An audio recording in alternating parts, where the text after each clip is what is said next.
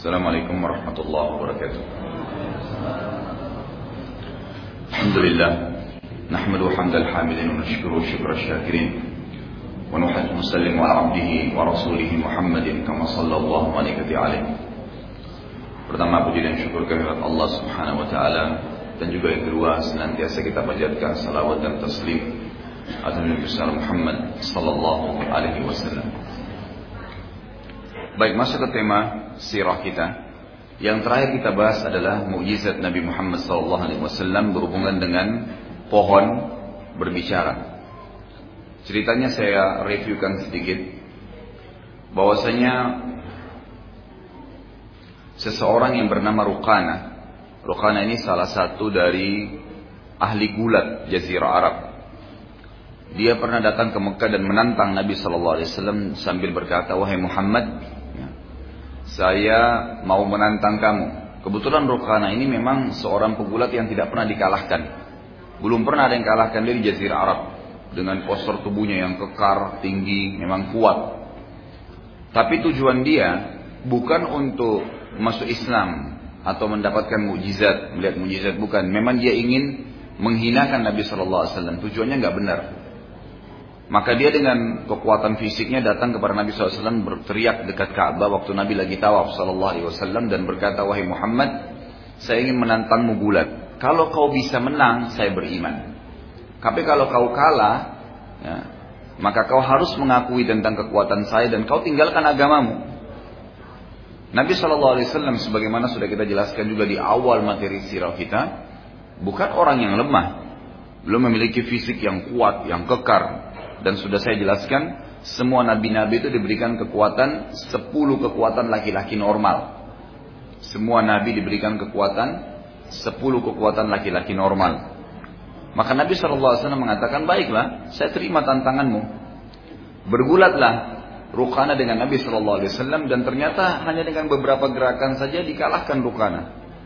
Dia penasaran, nantang lagi dua kali kalah, tiga kali kalah, empat kali kalah, sampai sepuluh kali. Dan disaksikan oleh seluruh orang-orang Quraisy. Dan perlu Bapak Ibu tahu, sebelum dia menantang Nabi Shallallahu Alaihi Wasallam, dia sudah datang kepada orang-orang Quraisy sambil berkata, apakah kalian ingin mempermalukan Muhammad? Mereka bilang iya. Maka dia bilang, saya akan bantu kalian saya akan menantangnya di depan kalian dan pasti saya akan kalahkan dia. Akhirnya sekarang terbalik Rukana yang termalukan di depan orang-orang Quraisy gitu. Setelah itu Rukana karena keras kepalanya dan keras hatinya, memang tujuan bukan untuk mencari kebenaran. Dia mengatakan saya tidak akan beriman pada Muhammad sampai pohon ini berbicara. Ditunjuklah sebuah pohon kurma. Maka yang terjadi yang luar biasa pada saat itu dalam hadis Bukhari diceritakan pohon tersebut tiba-tiba mengeluarkan suara sambil berkata, Asyhadu an la ilaha illallah wa anna Muhammad Rasulullah. Jadi pohon pun berbicara memberikan kesaksian atas risalah Nabi Muhammad sallallahu alaihi wasallam. Tentu ini cukup banyak ya berhubungan dengan masalah ini. Seperti ini, jadi banyak sekali. Di antaranya, tunggu dulu, sebelum saya tambah riwayat yang lain. Lalu yang terjadi Rukhana lalu berkata, sungguh kau adalah seorang penyihir yang hebat wahai Muhammad.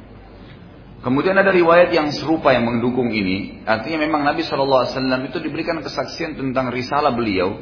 Bukan hanya pada manusia. Tapi seluruh makhluknya Allah tahu itu.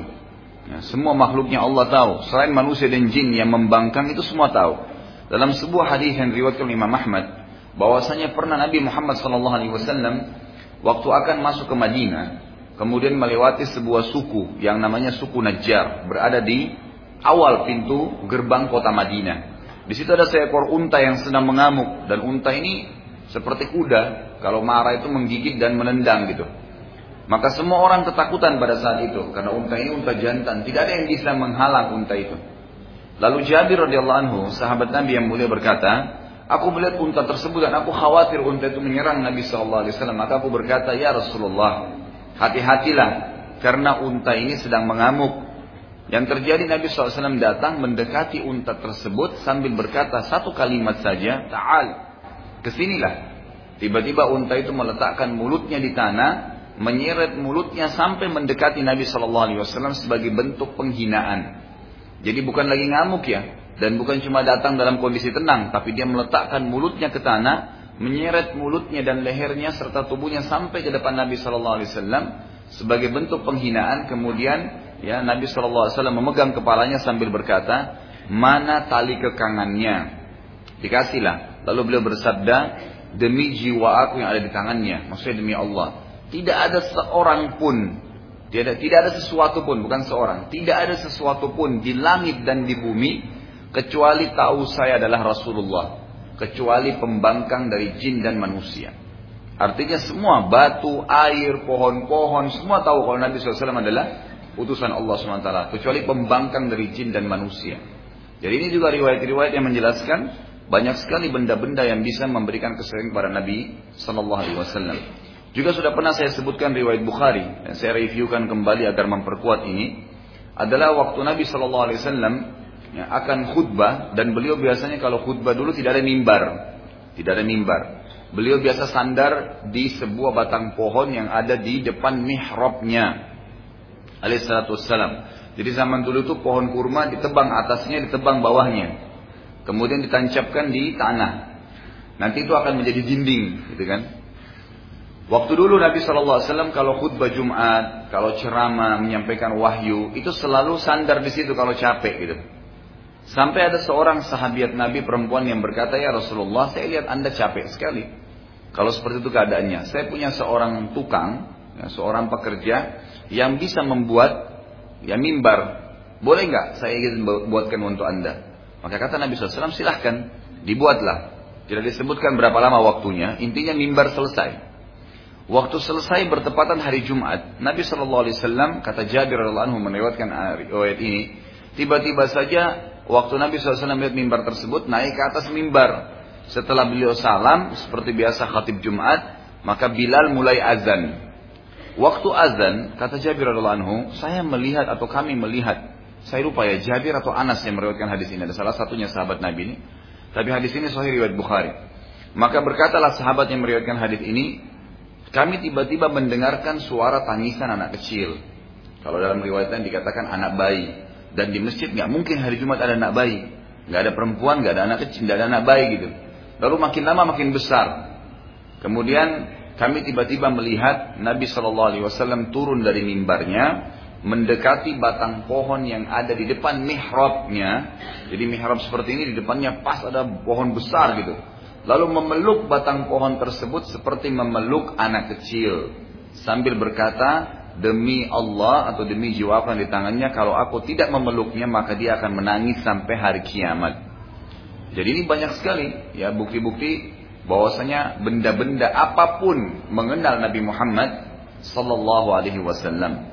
Hadis Bukhari yang lain juga Nabi sallallahu alaihi wasallam berkata kepada Jibril setelah hijrah ke Madinah, "Wahai Jibril, Waktu saya masih awal sebelum menerima wahyu, waktu saya masih bolak-balik ke Gua Hiro dari rumah saya, saya pernah mendengarkan kalimat Assalamualaikum ya Rasulullah. Suara apa itu dan dari mana itu? Kata Jibril Assalam itu suara batu dan pohon yang memberikan salam kepada anda. Itu sebelum dinobatkan jadi Rasul. Semua sudah tahu tentang risalah Nabi Muhammad Sallallahu Alaihi Wasallam. Ya apalagi kita tentunya ya, lebih pantas untuk beriman tentang risalah beliau. Baik kita masuk ke tema kita hari ini, ekspansi wilayah dakwah. Ekspansi wilayah dakwah. Saya nggak tahu ini sudah dibahas atau belum. Yang catat belum ya?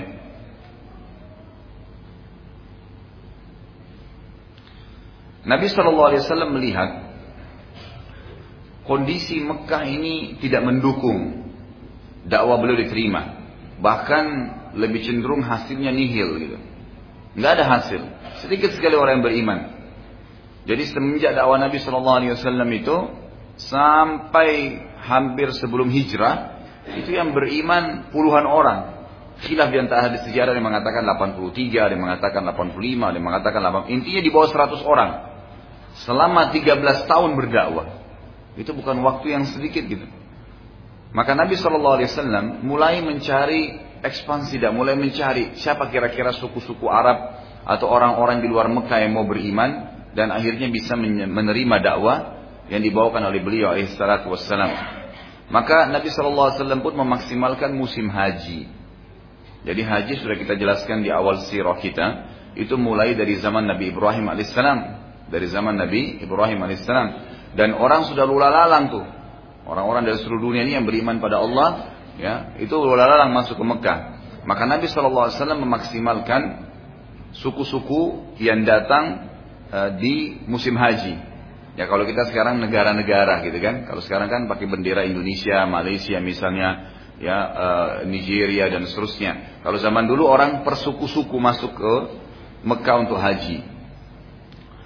Nabi SAW selalu berusaha menemui kepala sukunya. Ini suku apa? Dari mana? Dari Yaman misalnya. Kepala sukunya siapa? Coba ditemuin dan disampaikan. Tapi anehnya, para ahli sejarah mengatakan, ada seseorang yang berkulit putih, orangnya gagah gitu kan, mirip dengan Nabi SAW, selalu mengikuti Nabi SAW. Dan selalu setiap kali Nabi berdakwah, dia mengucapkan kalimat setelah sampaikan dakwah ini, untuk membatalin dakwah aja.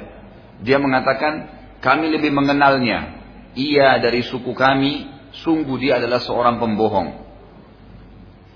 Lalu pada saat para sahabat bertanya kepada ya sahabat-sahabat yang lain yang hadir di situ, ya waktu setelah hijrah ke Madinah, siapa orang itu yang sampai Nabi SAW sendiri tidak menegurnya, dibiarin aja, gitu kan?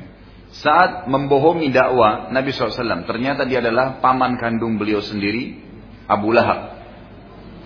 Jadi Abu Lahab ini Memang dia mengikuti Nabi SAW waktu itu khusus untuk memberhentikan dakwah gitu. Ini menandakan pelajaran besar bahwasanya orang kalau mendakwakan agama Islam yang benar itu ada tantangannya.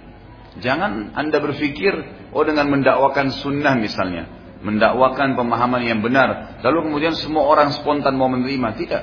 Itu sudah menjadi sunnatullah ada yang nolak. Biasa itu. Diingatkan ini hadis Nabi, ah nggak mau, nolak biasa. Karena syaitan tidak mau orang semua beriman, gitu kan? Terbukti Nabi Muhammad SAW pamannya sendiri, paman kandungnya ini ayah da, kakak dari ayah beliau. Abu Lahab itu terkenal sekali, kan gitu.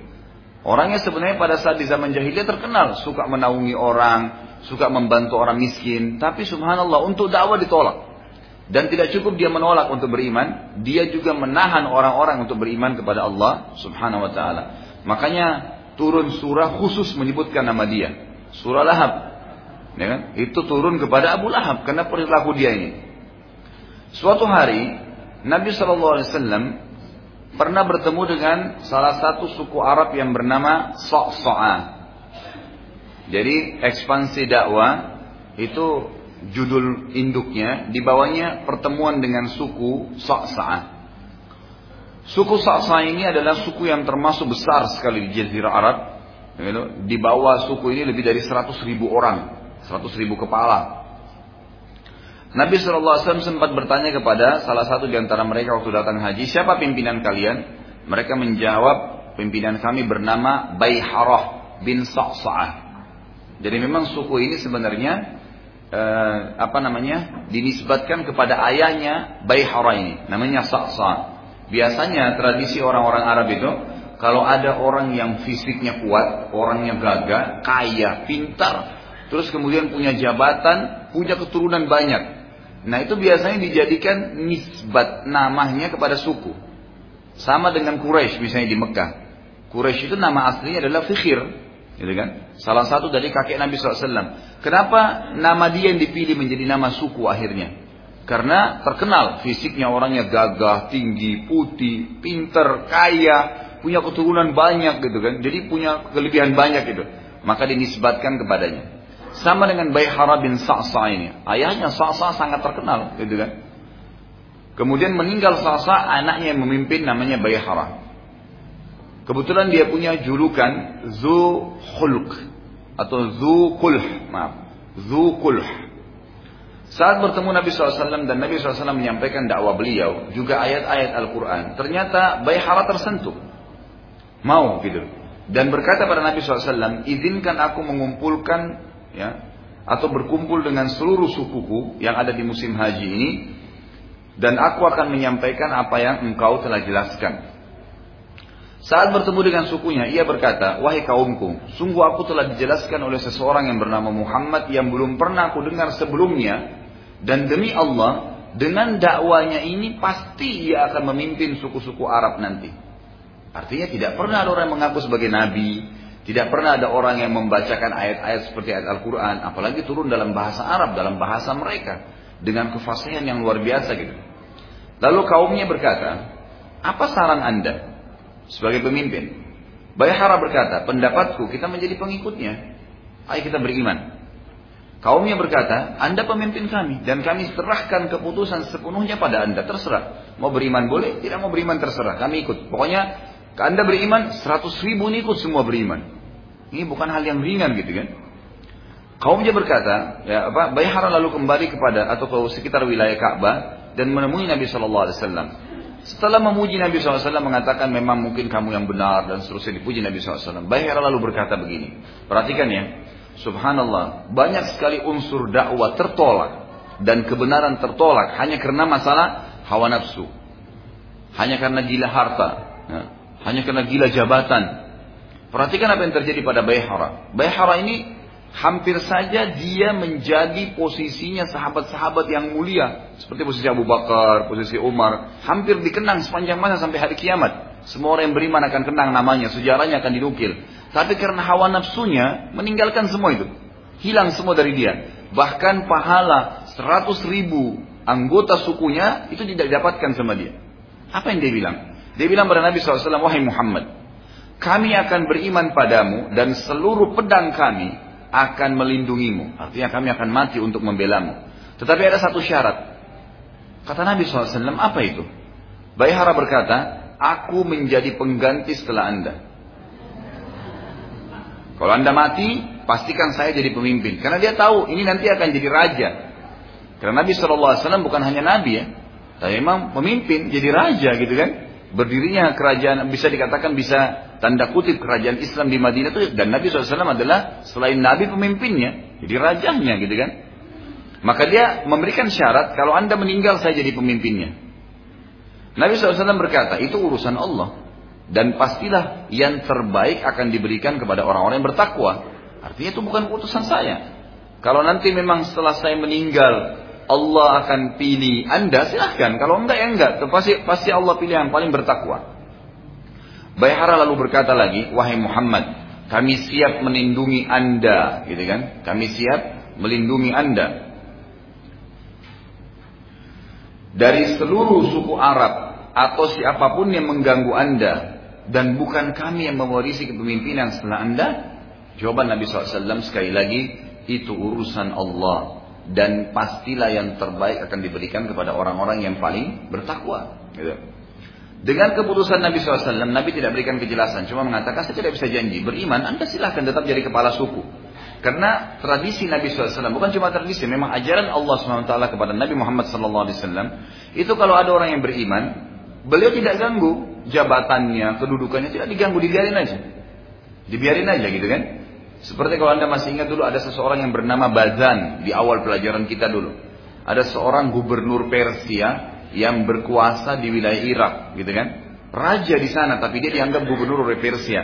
Waktu dia beriman pada Nabi SAW dan tapi tidak pernah lihat Nabi ya, maka di, ulama masukkan dalam kategori tabiin. Itu Nabi SAW tidak ganggu, nggak diganggu, nggak, nggak diambil jabatannya misalnya disuruh bayar apa, enggak. Nabi bilang sudah beriman silahkan tetap memimpin. Semua raja-raja juga yang Nabi SAW kirimkan surat dari Raja Roma, Romawiya, Raja Persia, Raja Najasyi yang ada di yang ada di Afrika, itu semua waktu dikirimkan risalah Nabi SAW tidak minta kerajaan mereka, hanya minta ikrar syahadat. Lalu terima hukum Allah, silahkan tetap memimpin. Dan inilah Islam gitu kan. Anda kalau menjadi seorang dai, cukup ikrarkan syahadat selesai. Jangan pernah berharap apa pun dari mad'u, orang yang didakwai. Semua dai subhanallah yang berharap ada balasan dari orang yang sedang didakwai, pastikan dakwanya tidak akan berbekas. Tidak mungkin. Tapi kalau dia ikhlas memang mau menyampaikan agama Allah dan Allah akan memberikan balasan sama dia, maka selesai, gitu kan?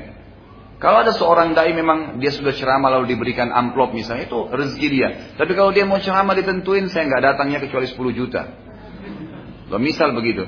Saya sampai disampaikan oleh salah seorang ya mad'u gitu kan orang yang terdakwa ini mengatakan Ustaz masa ada seorang Ustaz diundang ke Kalimantan waktu itu kemudian tidak jadi datang hanya karena tarifnya kurang Subhanallah agama ditunggangi untuk kehidupan dunia bagaimana gitu kan sementara semua konsep para nabi apa dalam Al-Quran semua ayat cerita tentang nabi-nabi dalam surah Al-Anbiya, dalam surah Ibrahim, dalam surah Hud, banyak sekali. Selalu konsepnya sama. A'udzubillahi minasyaitonirrajim. Qul la as'alukum alaihi min ajrin in ajriya illa 'ala Allah. Saya tidak pernah berharap balasan dari kalian dan balasan saya di sisi Allah. Tidak ada orang yang tulus berdakwah kecuali Allah penuhi kebutuhannya, gitu kan? Tapi kapan dia menunggangi dakwah dai da, mad'unya orang yang didakwai untuk mendapatkan manfaat duniawi, pastikan tidak akan diterima dakwanya. Ataupun orang cuma mengatakan bagus ya, selesai. Orang-orang pulang nggak bawa bekas, nggak ada ilmu yang bisa dibawa, nggak berbekas, nggak berubah orang yang sedang didakwainya. Maka itu pengaruhnya sangat besar, pengaruhnya sangat besar. Kita kembali ke bahasan tadi, maka yang terjadi apa? Orang ini minta balasan. Gitu kan? Dengan keputusan Nabi SAW, Bayhara tidak jadi beriman. Dan dengan dia tidak jadi beriman, 100 ribu sukunya nggak jadi beriman. 100 ribu orang dia bisa panen, pahalanya itu luar biasa. Itu mereka-mereka. Bagaimana kalau anak cucunya nanti lahir? Ya kan gitu. Kemudian beriman semua sama Allah, berapa juta pahala yang didapatkan sama dia gitu. Tapi dia nggak pikirin itu. Semua itu karena Bayhara lebih berpikir urusan duniawi. Padahal hampir saja mereka yang menjadi ansar yang Allah sebutkan dalam Al-Quran. Semestinya mereka hampir jadi gitu kan suku saksa. Tapi nggak jadi. Hanya karena hawa nafsu seorang pemimpin gitu. Ini bahaya sekali. Ini bahaya sekali. Dan ini harus jadi pelajaran buat kita ya. Bagi anda yang hadir ataupun siapa yang mendengarkan ceramah kita ini. Kalau Allah SWT berikan anda jabatan di pemerintahan. Maka tunggang itu mendapatkan amal jariah. Bukan malah hanya dikejar masalah duniawi. Mungkin saya lupa, saya tidak tahu pernah saya sampaikan atau tidak. Tetangga saya pernah, ya, saya tidak usah sebutkan namanya. Semoga Allah selalu menjaga beliau gitu kan. Pernah uh, menjabat, men, bukan menjabat, baru mau menjadi kandidat, masuk jadi kandidat wakil bupati saja. Wakil bupati belum bicara gubernur, apalagi kalau sudah presiden gitu kan. Wakil bupati saja, subhanallah. Saya sempat duduk dan saya bilang, Pak, Kenapa sih sebenarnya pemimpin kita ini di Indonesia? Saya nggak bicara negeri Islam yang lain, Indonesia saja. Kenapa mereka pada saat menjabat lima tahun itu tidak ditunggangin ya untuk dapat jamal amal jariah? Lima tahun itu bukan waktu sedikit loh. Kita sekarang kalau mau bangun sebuah madrasah di sebelah masjid ini saja, ukuran misalnya 200 meter, 300 meter, butuh biaya berapa banyak dan susah gitu kan. Tapi kalau seorang pejabat, dia bisa menggunakan ya kegiatan atau ada dana-dana anggaran pemerintah untuk membangun. Jadi amal jariah buat dia.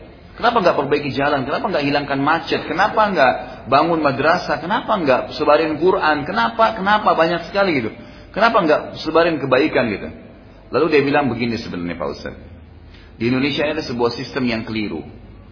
Seperti dibilang saya pada saat mau menjabat. Saya harus untuk jadi wakil bupati saja itu pun setelah kampanye nggak nggak jadi, kalah. Habis tidak kurang dari 10 miliar dana. Kenapa? Kok bisa Pak? Iya, kampanye. Pertama bayar dulu pimpinan cabangnya partai di tempat yang dia mau kampanye di sekitar Jawa Timur ya. Saya tidak sebutkan juga kotanya. Itu kemudian dia bilang itu bayar pimpinan cabang saya sudah satu miliar. Belum pimpinan partai pusat berapa miliar? Pasti double, mungkin dua miliaran. Belum saya harus nyebarin kaos, belum saya ini, belum saya itu, habis sekitar 10 miliar. Itu pun kalau menang, kalau nggak menang, habis hilang. Baik. Kalaupun dia menang, kalaupun dia menang, apa yang terjadi? Dia sudah keluarin 10 miliar. Target dia 5 tahun memimpin, 2 tahun setengah mengembalikan modal yang 10 miliar. Lalu 2 tahun setengah yang tersisa ngumpulin modal untuk kampanye baru. Kapan dia pikirin umat gitu? Kapan dia pikirin amal jariah? Bagaimana dengan Umar bin Abdul Aziz rahimahullah? Baru jadi khalifah, setelah dia ceramah di mimbar, di masjid, di masjid Jamek di Damaskus waktu itu saya minta didukung, minta dinasihatin, diingatin kalau salah sebagai pemimpin, merendah gitu. Lalu setelah dia keluar dari masjid datang kereta kencananya kerajaan. Khalifah yang sebelumnya itu pakai gitu. Kuda yang mewah, keroncana semua pakai ukiran emas. Waktu datang semua dengan dayang-dayangnya gitu kan, sama pengawal-pengawalnya. Kata ini ada apa? Kebetulan dia ke masjid pakai keledai, gitu kan. Lalu ditanya ini apa? Dikala wahai Amir Mu'minin, Anda sekarang khalifah. Ini kereta Anda. Langsung beliau bilang dan itu dicatat dalam buku-buku sejarah dengan keikhlasan beliau mengatakan saya tidak butuh semua ini. Saya minta sekarang sebagai instruksi saya sebagai pemimpin Amir Mu'min Khalifah jual ini. Uangnya masukkan ke Baitul Mal untuk kebutuhan umat Islam. Saya nggak butuh, saya naik keledai saya saja.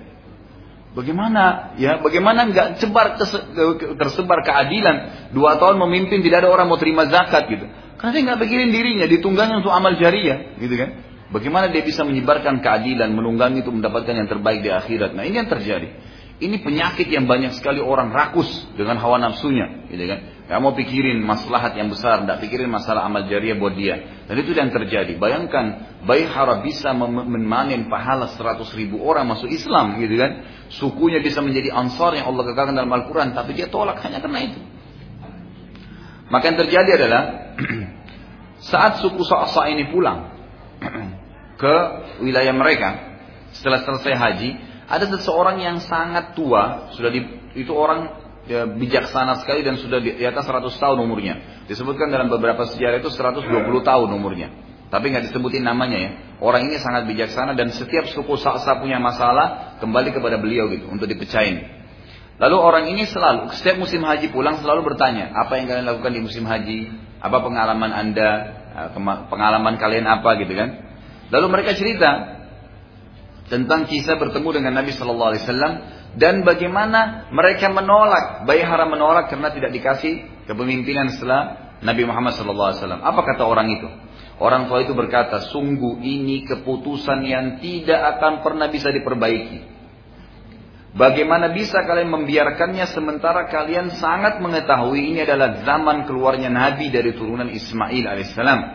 Dan belum pernah ada satupun dari keturunan Ismail mengaku Nabi kecuali orang itu. Belum pernah di Mekah dia mengaku nabi kecuali orang ini. Berarti kalau dia benar gitu kan, maka akan menjadi luar biasa. Dengan kalian tolak itu, berarti kalian sudah menghapus diri kalian dari sejarah manusia. Jarang aja dalam sejarah manusia, hilang, gitu kan? Dan kalian sudah menghilangkan kesempatan untuk tercatat dalam kitab-kitab suci sebagai sahabatnya, gitu kan? Karena ada sebuah hadis kan yang sahih kata Nabi Shallallahu Alaihi Wasallam, Allah melihat hati-hati manusia maka Allah mendapati hatiku yang paling bersih, maka aku dijadikan sebagai nabi yang terakhir. Kemudian Allah melihat hati-hati setelahku, maka Allah menemukan hati-hati para sahabatku adalah yang paling bersih, maka dijadikan sebagai pendamping-pendampingku. Jadi jelas sekali itu, semestinya mereka bisa jadi itu. Tetapi kaumnya menolak, ya, kaum mereka menolak untuk beriman, hal ini membuat mereka semua kehilangan kesempatan untuk menjadi sahabat dan peluang-peluang yang sudah kita sebutkan tadi. Baik, setelah Bayhara menolak, poin yang kedua adalah pertemuan Nabi SAW dengan seseorang di musim haji juga bernama Suwaid bin Sadiq. Suwaid bin Sadiq. Termasuk yang beliau bertemu adalah di musim haji, Suwaid bin Sadiq ini salah satu tokoh bangsa Arab dan pemuka mereka. Setiap kali suku-suku Arab ini lebih lebih dikenal lagi Suwaid ini karena dia suku Arab mana pun yang jumlahnya ratusan pada saat itu punya masalah, tidak bisa dipecahin, didatangi Suwaid ini. Selalu mereka minta pendapat gitu. Termasuk yang Nabi SAW temui adalah dia. Saat bertemu dengan Nabi SAW, beliau berkata, Wahai Suwaid, sungguh aku mempunyai perkataan yang aku ingin engkau mendengarkannya. Kata Suwaid, aku tidak mau mendengarkannya. Karena selama ini dia dianggap tokoh gitu kan. Maka dia nggak biasa share sama orang. Sifatnya dia adalah cuma memberikan pendapat gitu. Lalu Nabi SAW berkata, mengapa? Mengapa kau tidak mau mendengarkan? Kata Suhaib, karena aku memiliki sesuatu yang pasti lebih baik dari apa yang engkau sampaikan. Kata Nabi SAW, kalau begitu tolong perdengarkan padaku. Apa yang kau punya itu? Saya mau dengar dulu, karena kau bilang lebih baik dari apa yang saya miliki. Gitu. Suhaib ternyata memegang peninggalan tulisan wahyu dari wasiatnya Lukman jadi dulu dari kakek-kakeknya dinukil-nukil-nukil diturunkan wasiat Luqman yang telah disebutkan dalam Al-Quran dan telah diwarisi dari nenek moyangnya. Pada saat itu wasiat Luqman terbagi menjadi dua. Jadi Al-Quran sudah disatuin ya.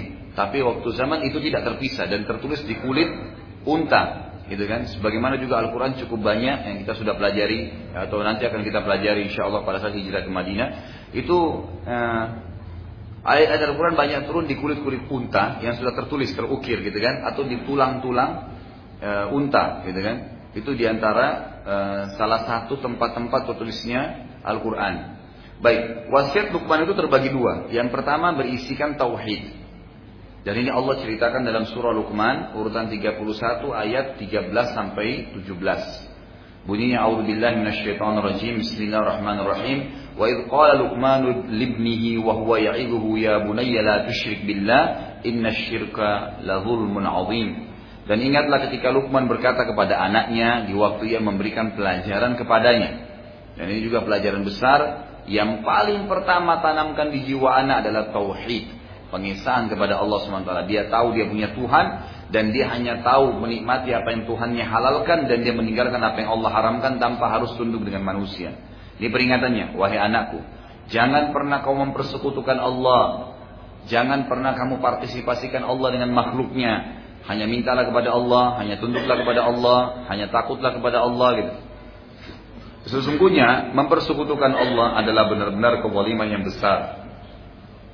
وصينا الإنسان بوالديه حملته أمه وهنا على وهن وفصاله في عامين أن اشكر لي ولوالديك إلي المصير dan kami perintahkan kepada manusia berbuat baik kepada ibu bapaknya yang dan ibunya yang telah mengandungnya dalam keadaan lemah yang bertambah lemah dan menyapinya dalam dua tahun bersyukurlah kepadaku dan juga berterima kasihlah kepada ibu bapakmu hanya kepadaku lah kalian atau kamu akan dikembalikan Kemudian ayat ini ayat ke tadi 13 sampai 16 ya. Ayat 13-nya tadi sudah, 14-nya sudah, sekarang ayat 15-nya. 13 sampai 17 maaf. Ayat 15-nya bunyinya wa in jahadaka ala an tusyrika bi ma laysa laka bihi ilmun fala tuti'huma wa sahibuhuma fid dunya ma'rufa wattabi' sabila man anaba ilai thumma ilayya marji'ukum fa unabbi'ukum bima kuntum ta'malun. Dan jika keduanya memaksamu untuk mempersekutukan dengan aku sesuatu kata Allah yang tidak ada pengetahuanmu tentang itu maka janganlah kamu mengikuti keduanya dan bergaullah dengan keduanya di dunia dengan cara baik serta ikutilah jalan orang yang kembali kepadaku, orang-orang yang telah beriman, mengenal, tahu ilmu wahyu, ikuti mereka. Kemudian hanya kepadaku lah kalian akan dikembalikan, maka ku beritahukan kepada kalian apa yang telah kalian lakukan. Di ayat yang ke-16, ya bunayya, innaha intaku mithqala habbatin min khardalin fatakum fi sahratin aw fis samawati aw fil ardi ya'ti biha Allah, innallaha latifun khabir. Luqman berkata, hai anakku. Dan ini kita bisa ambil pelajaran bagaimana Luqman itu luar biasa. Tauhidnya kepada Allah SWT. Ini inti. Ya ini daripada inti daripada kehidupan. Dan khilaf antara ulama apakah Luqman ini nabi atau saleh. Gitu kan? Tapi yang lebih kuat pendapat mengatakan dia adalah seorang nabi. Dia adalah seorang nabi. Makanya Allah kekalkan dalam Al-Quran namanya. Dan umumnya disebutkan dalam kitab-kitab suci adalah nabi. Adalah nabi. Terbukti para sahabat saja. Itu di antara sekian puluh ribu sahabat. Hanya satu orang yang disebutkan namanya. Zaid. Ya kan? Yang lainnya tidak disebutkan. Abu Bakar pun tidak disebutkan namanya. Umar tidak disebutkan namanya. Dan memang yang disebutkan dalam Al-Quran itu adalah orang-orang yang Allah subhanahu wa ta'ala pilihkan secara khusus dan kebanyakan para nabi-nabi gitu. Maka Luqman apalagi dengan wasiat-wasiatnya ini yang menjadikan dibawa turun temurun sebagai wahyu, maka menandakan dia adalah seorang nabi. Luqman berkata, "Hai anakku, sesungguhnya jika ada sesuatu perbuatan seberat biji sawi dan berada dalam batu, baik itu di langit ataupun di dalam bumi, niscaya Allah akan mendatangkannya. Sesungguhnya Allah Maha halus lagi Maha mengetahui." Allah maha lembut, lagi maha mengetahui. Artinya tidak ada sesuatu yang tersembunyi sama Allah. Biji sawi ditaruh dalam batu, baik itu di langit ataupun di bumi, dalam bumi tetap Allah bisa datangkan.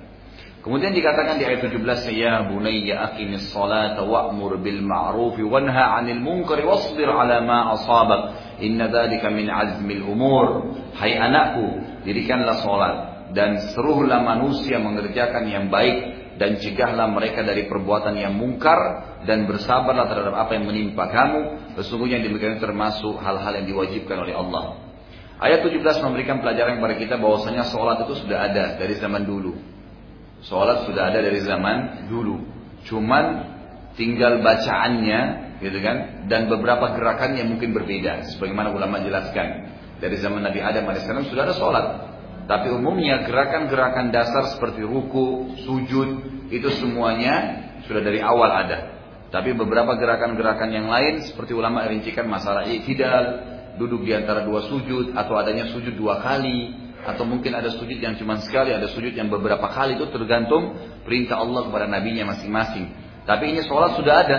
Terbukti Luqman sudah mengatakan, dirikanlah sholat Kemudian juga sama mengingatkan pada kebaikan, melarang dari kemungkaran. Artinya menyuruh umat manusia ini untuk untuk menikmati yang halal dan meninggalkan yang haram. Apa yang Allah halalkan dinikmati, apa yang haram ditinggalkan.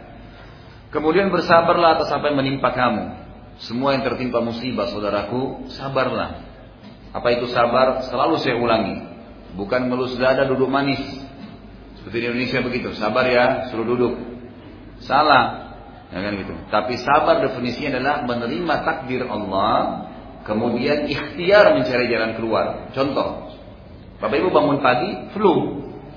Yang paling pertama, sabar. Apa itu sabar? Terima dulu takdirnya Allah. Allah sudah uji saya dengan penyakit. Karena biar kita ngamuk-ngamuk, penyakit tetap sudah ada. Gitu kan? Terima dulu sebagai Lalu ikhtiar. Minum obat. Konsultasi dengan dokter. Gitu kan? Minum teh hangat. Itu semua adalah ikhtiar. Ini namanya sabar. Terima takdir Allah, kemudian ikhtiar. Ada masalah dalam rumah tangga, baik. Ini cobaan Allah datangkan. Sabar. Bagaimana sabar? Terima sebagai takdir Allah, lalu ikhtiar memperbaiki. Coba, kan gitu. Itu namanya sabar. Dan ini dikatakan wasbir ala ma asabak. Ini dari dulu. Ibnu Abbas radhiyallahu anhu berkata, Subhanallah baru semalam saya dapat posting gitu kan. Jadi satu teman waktu di WhatsApp itu, kalimat yang luar biasa gitu. Dia mengatakan, ya, pada saat kau sedang keluhkan permasalahanmu dengan Allah, waktu musibah datang, mungkin kau menangis, tapi kau masih bisa tidur. Sementara Allah Tuhanmu menyelesaikan permasalahanmu pada saat kau keluhkan dengannya tanpa dia tidur. Kamu sedang tidur, Allah selesaikan permasalahanmu dengan cara dia yang kalau kamu tahu bagaimana Allah selesaikan urusanmu, kau akan menangis karena senang. Gitu kan? Allah SWT tidak biarkan. Diselesaikan oleh Allah Azza wa tapi dengan caranya Allah. Dengan caranya Allah SWT. Mungkin kita berharap cepat, tapi Allah tundain.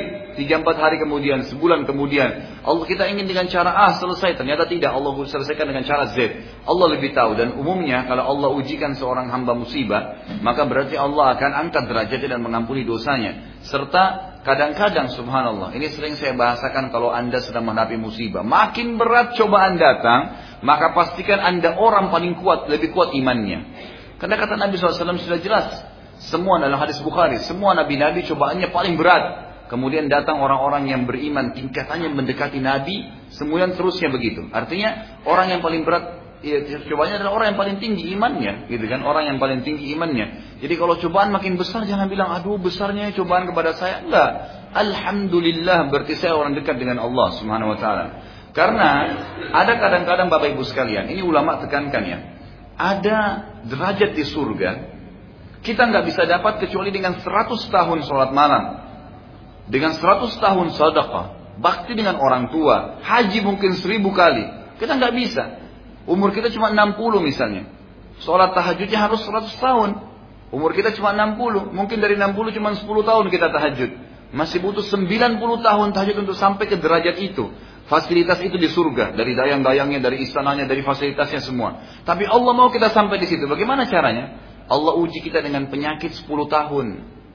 10 tahun nutupin yang 90 tahun kurang tadi. Sabar. Nggak masalah, gitu kan?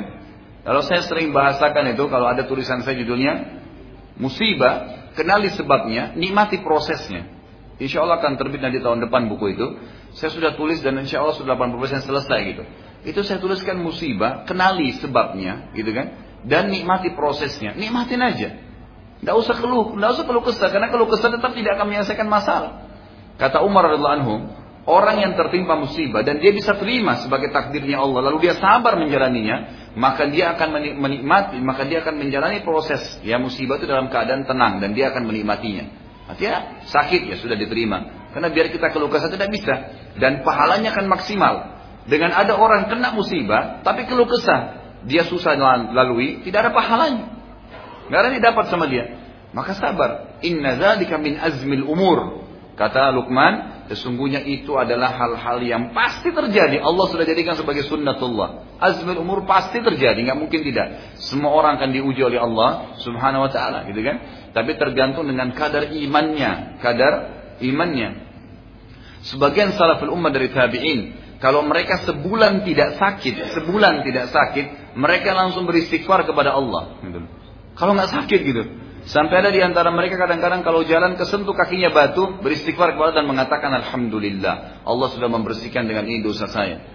Sampai seperti itu. Mereka mau minum terlambat airnya, Alhamdulillah. Cobaan datang. Berarti ini akan mengampuni dosa-dosa saya. Ada derajat yang saya akan dapat di surga yang tidak bisa dijangkau kecuali dengan ini.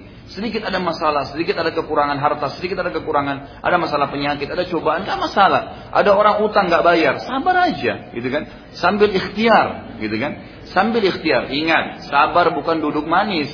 Tagi dia, ikhtiar, tapi terima sebagai cobaan dari Allah. Jangan gara-gara orang utang 100 ribu kita sudah sakit sebulan gitu kan. Ya. Tapi coba kita ikhtiar. Oh berarti Allah lagi coba saya. Bukankah Nabi SAW mengatakan apa dalam hadis yang sahih riwayat Bukhari?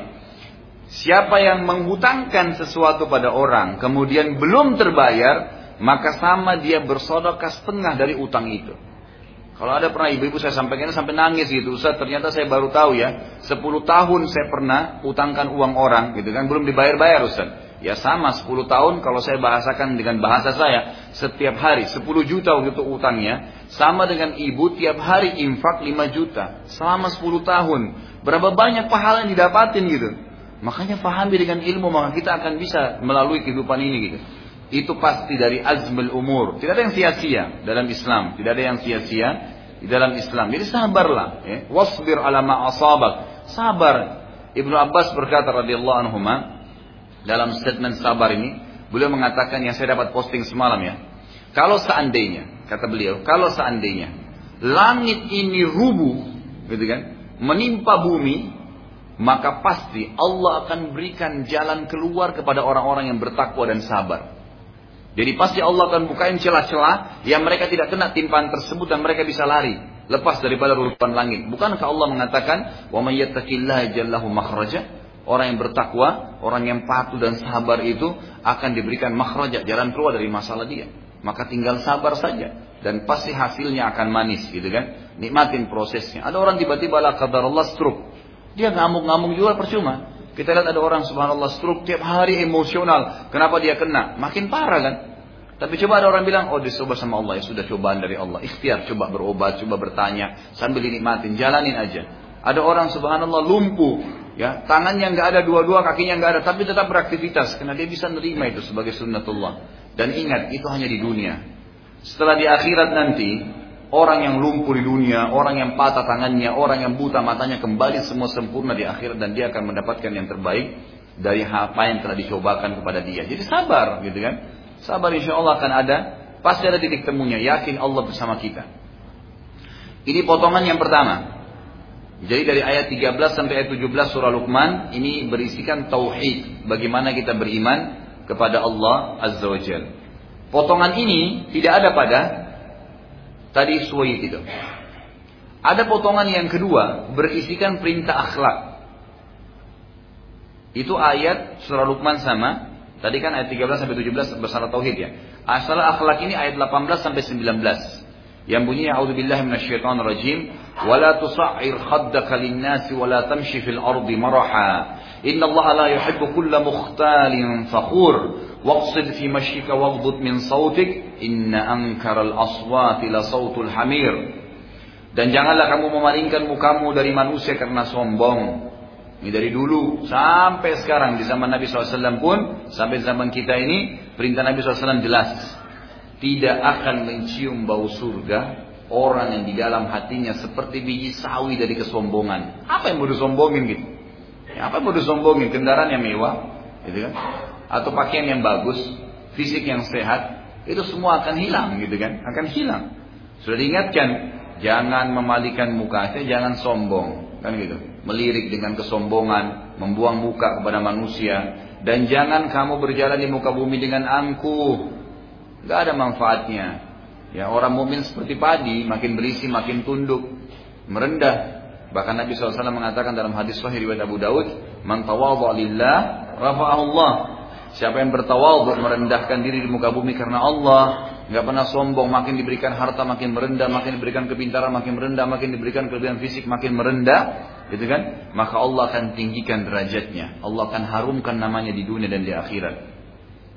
Lalu dikatakan Sesungguhnya Allah tidak menyukai orang-orang yang sombong lagi membanggakan diri.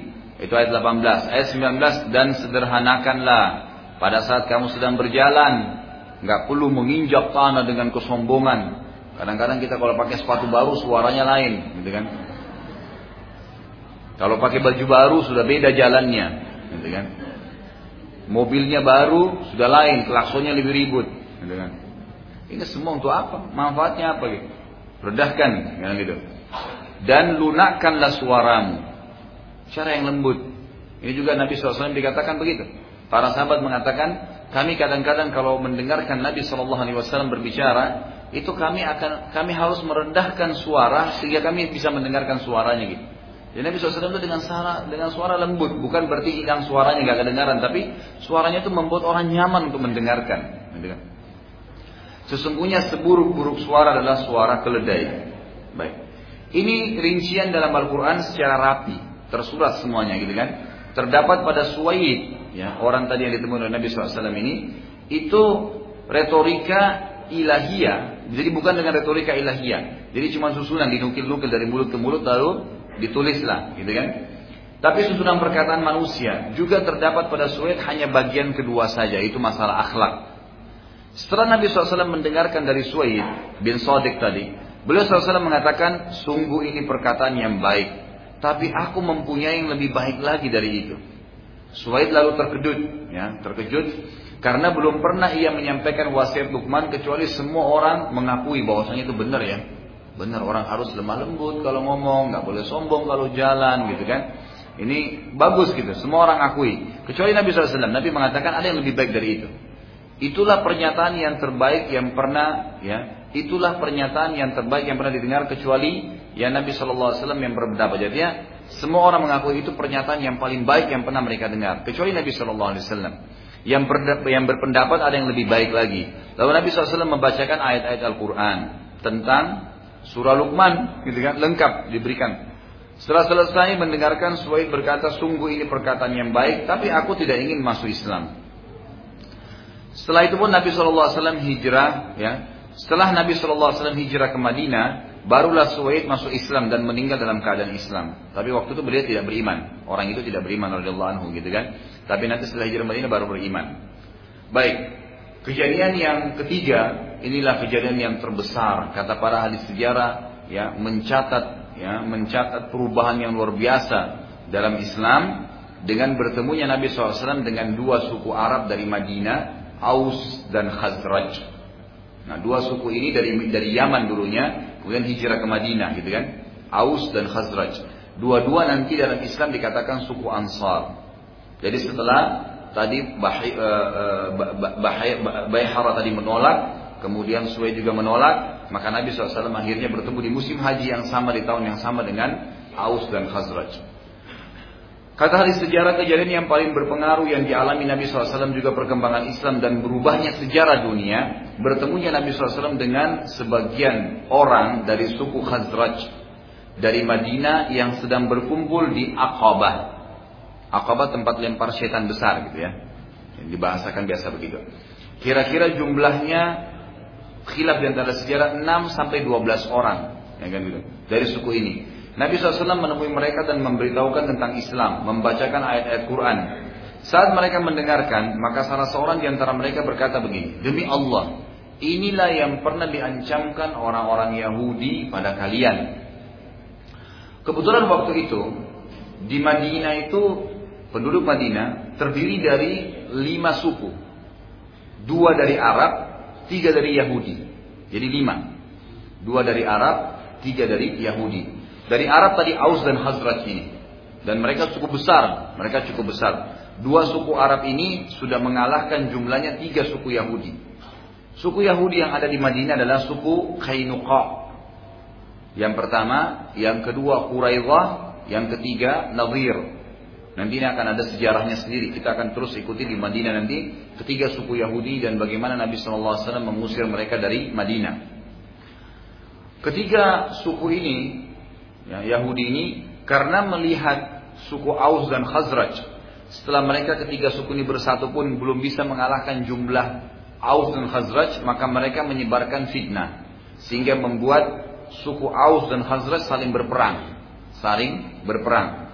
Dan setiap kali bertemu dengan Aus dan Khazraj, orang-orang Yahudi suka bilang, ketahuilah nanti akan keluar dari kota ini, di Madinah maksudnya, ya, seorang nabi terakhir yang kami orang-orang Yahudi adalah orang-orang yang paling pertama mengakui kenabiannya dan kami nanti akan memerangi kalian sebagaimana dan kalian akan musnah semua sebagaimana pembantaian Arim dan Samud.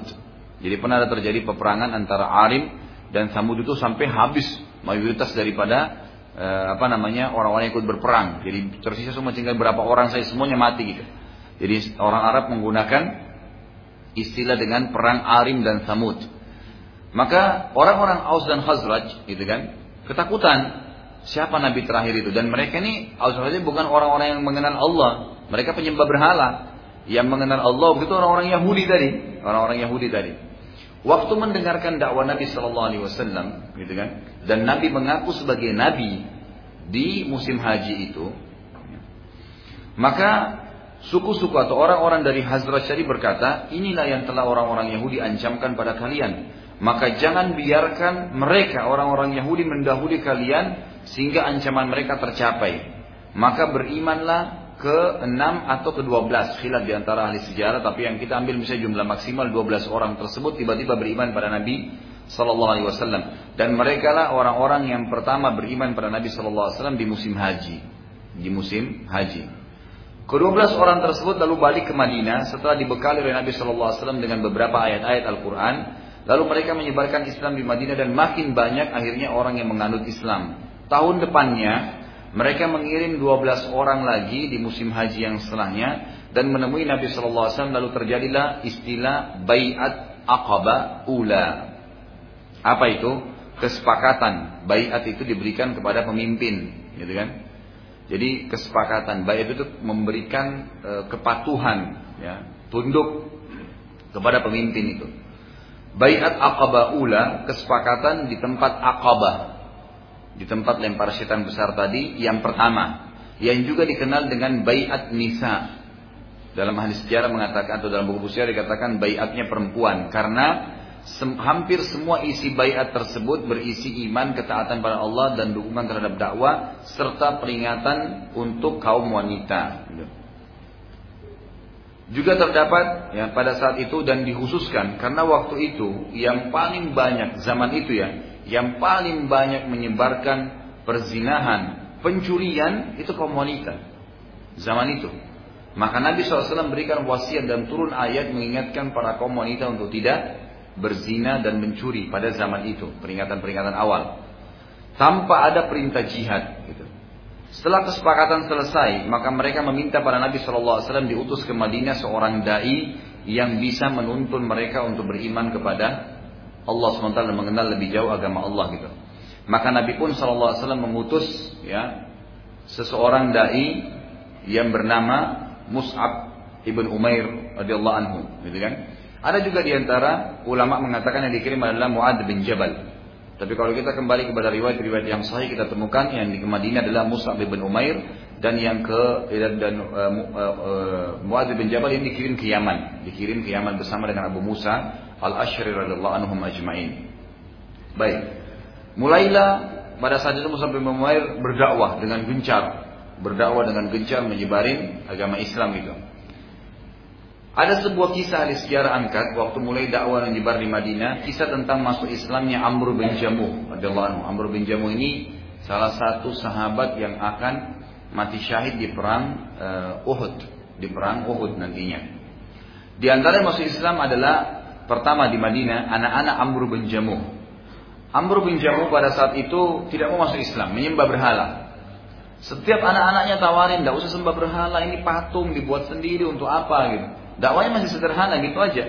Ini patung dibuat sendiri untuk apa disembah gitu, nggak ada gunanya. Kan gitu. Mereka tidak bisa berikan manfaat, tidak bisa berikan madarat untuk apa disembah gitu. Tetap Amr bin Jamuh nolak. Umumnya seperti orang-orang yang sembah berhala nolak karena sudah jadi tradisi mereka. Dan ini subhanallah, syaitan biasanya Ya seperti sering saya bahasakan ya, Bapak Ibu sekalian, syaitan itu adalah musuh kita ya. Kalau musuh itu, saya berikan contoh, kalau kita lagi di medan perang, saya berhadapan dengan musuh saya, saya punya pedang, saya punya perisai. Musuh juga punya begitu. Kalau saya diam, saya nggak nangkis, nggak nyerang, musuh saya buat apa?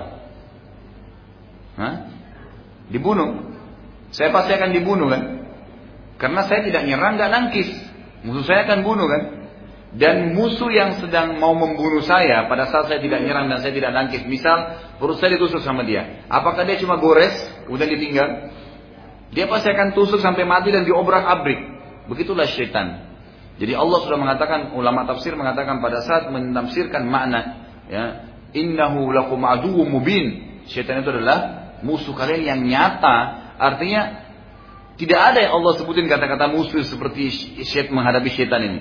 Berarti itu jelas syaitan. Jadi kata para ulama menafsirkan, syaitan itu seperti tadi orang punya peris, punya pedang, punya perisai dan dia selalu menyerang orang-orang yang beriman pada Allah ini. Diserang sama dia. Dan kalau sudah dia serang dan sempat dia melukai sedikit, dia tidak akan tinggal dia makan dilukai terus. Dan dia berusaha luka yang sudah kena itu tidak kering. Maksudnya apa? Serangan dia adalah kita berbuat maksiat. Seseorang misalnya selalu nonton gosip setiap hari jadwalnya jam 8 pagi. Ibu-ibu langsung ketawa ya gitu. Tiap hari jadwalnya. Maka pastikan setan akan buat kita sebelum jam 8 siap-siap mau nonton lagi tuh. Karena dia nggak mau luka kita kering, gitu kan? Harus terus itu. Jadi ada yang terjadwalkan sampai orang mati maksudnya nggak pernah berhenti. Nanti dibuat lagi jadwal sore apa, jadi luka di perut, luka di dada, luka di punggung, luka di kepala, dan dia berusaha tidak kering itu supaya dipegangi sama dia. Begitu cara setan merusak kita, gitu kan? Nah, subhanallah banyak orang tidak sadar dia sedang diikat sama setan dengan perbuatan atau dihiasi dengan perbuatan tersebut. Ini bahaya sekali. Dan saya kembali ingatkan lagi, setiap kali kita biarkan maksiat itu ada dalam diri kita, gitu kan? Maka pastikan ada dua timbangan, ada timbangan pahala, ada timbangan dosa. Kalau dosa kita masih berimbang dengan pahalanya, apalagi kalau dosanya lebih besar, maka di sebelah pahala itu ada namanya juga ya red kekhusyuan. Red keimanan. Kayak misalnya lihat orang mati kita bisa nangis ingat juga kematian. Ayat-ayat tentang surga kita nangis. Kita selalu rindu ingin akhirat. Merasa rugi kalau ketinggalan ibadah. Itu namanya red kekhusyuan. Bagaimana caranya supaya khusyuk ini ada? Bukan sholat dengan tutup mata, enggak. Ada caranya. Kalau timbangan dosa kita dengan timbangan pahala masih berimbang, red paha, red khusyuknya tidak akan naik. Mustahil. Bagaimana caranya supaya khusyuk kita bisa naik? Dosanya harus diredam, kalau perlu dihapuskan, dihilangkan. Luka yang setan tusuk tadi disembuhin, Kan gitu. Jangan dibiarin luka terus. Disembuhin dengan cara bertaubat. Kemudian pahala dinaikkan terus. Program ibadah naik terus.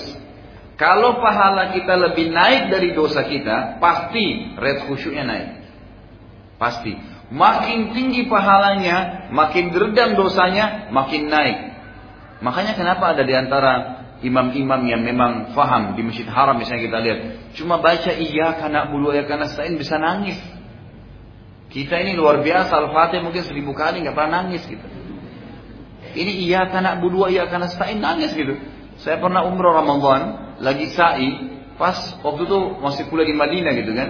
Kemudian lagi sa'i, pas sholat terawih sudah berjalan gitu. Saya waktu itu mau selesaikan supaya saya bisa ikut. Syekh Shurem waktu itu saya masih ingat. Dia baca iya karena abudu, nangis. Dia mau lanjut gak bisa. Lama mungkin 10 menit. 15 menit mungkin dia dia ulangnya lagi nggak bisa. Mau bilang iya karena stain nggak bisa. Karena dia paham, iya ke kepadamu ya Allah. Lagi lihat ngomong sama Allah nih bukan main-main. Na'budu kami menyembah. Gak bisa dilanjutin sama dia. Kenapa bisa begitu? Red khusyuknya bisa naik. Kenapa ada di antara salaful ummah seperti Rabi ibn Haytham rahimahullah lihat api berkobar pingsan. Waktu dibangunin, kenapa? Dia bayangkan neraka. Kok bisa begitu? Gitu kan? Ada di antara salaful ummah lagi terbakar nih, kebakaran sekitar rumahnya, kebakaran. Dia di atas sejadah lagi sholat tahajud. Tetangganya semua teriak, ya fulan, kebakaran, keluarlah gitu. Nggak keluar dia. Duduk. Orang semua nggak bisa selamatin karena sudah terbakar semua. Semua orang bilang, oh berarti si fulan sudah mati nih. Pas sudah redam api semua, subhanallah. Semua terbakar kecuali dia dengan sejadahnya. Ini kisah nyata.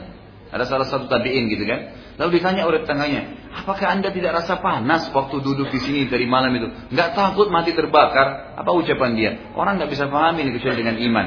Dia bilang waktu tadi malam terjadi kebakaran, saya tiba-tiba membayangkan panasnya api neraka, maka api dunia ini jadi kecil.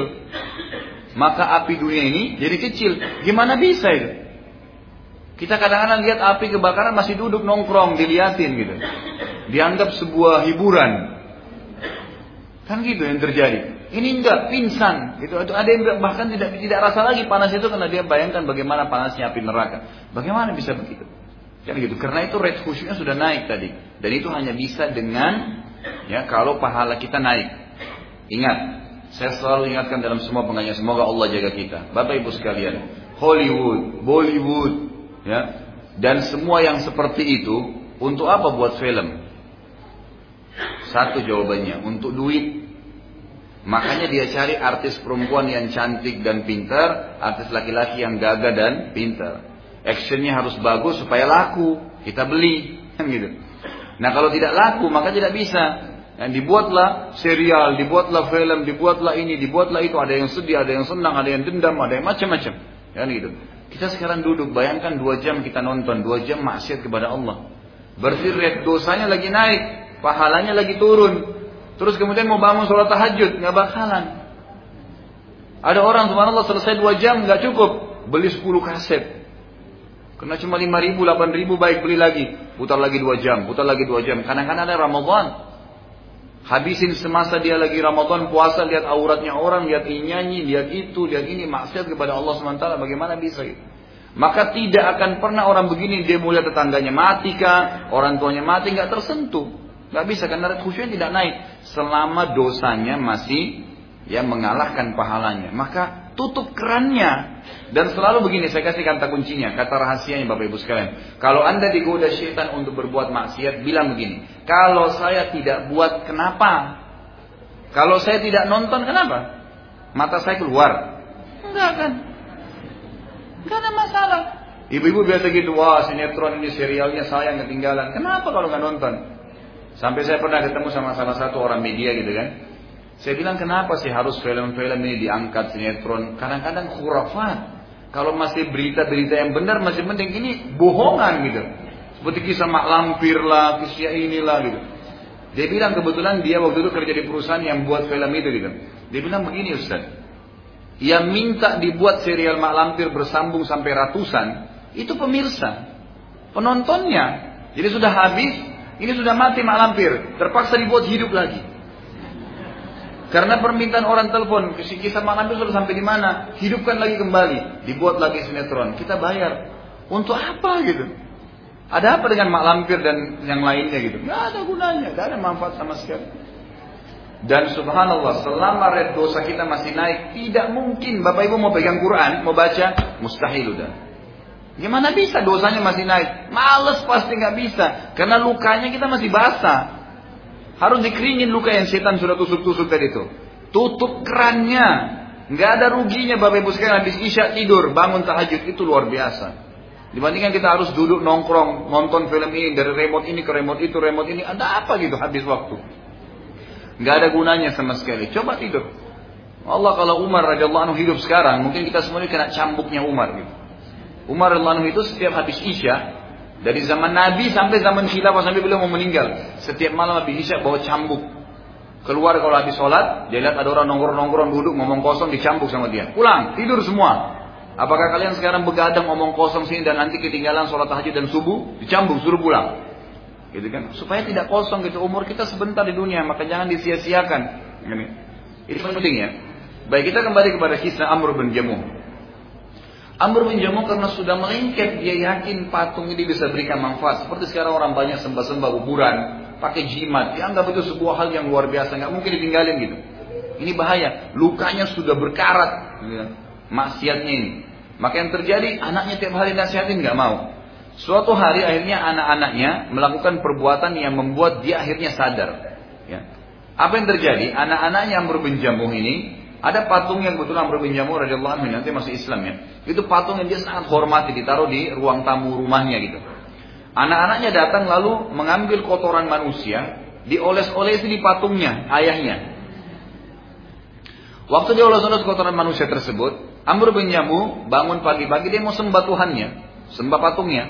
Dia lihat ada kotoran manusia, penuh dengan kotoran manusia. Lalu dia berkata, siapa yang telah memperlakukanmu seperti ini?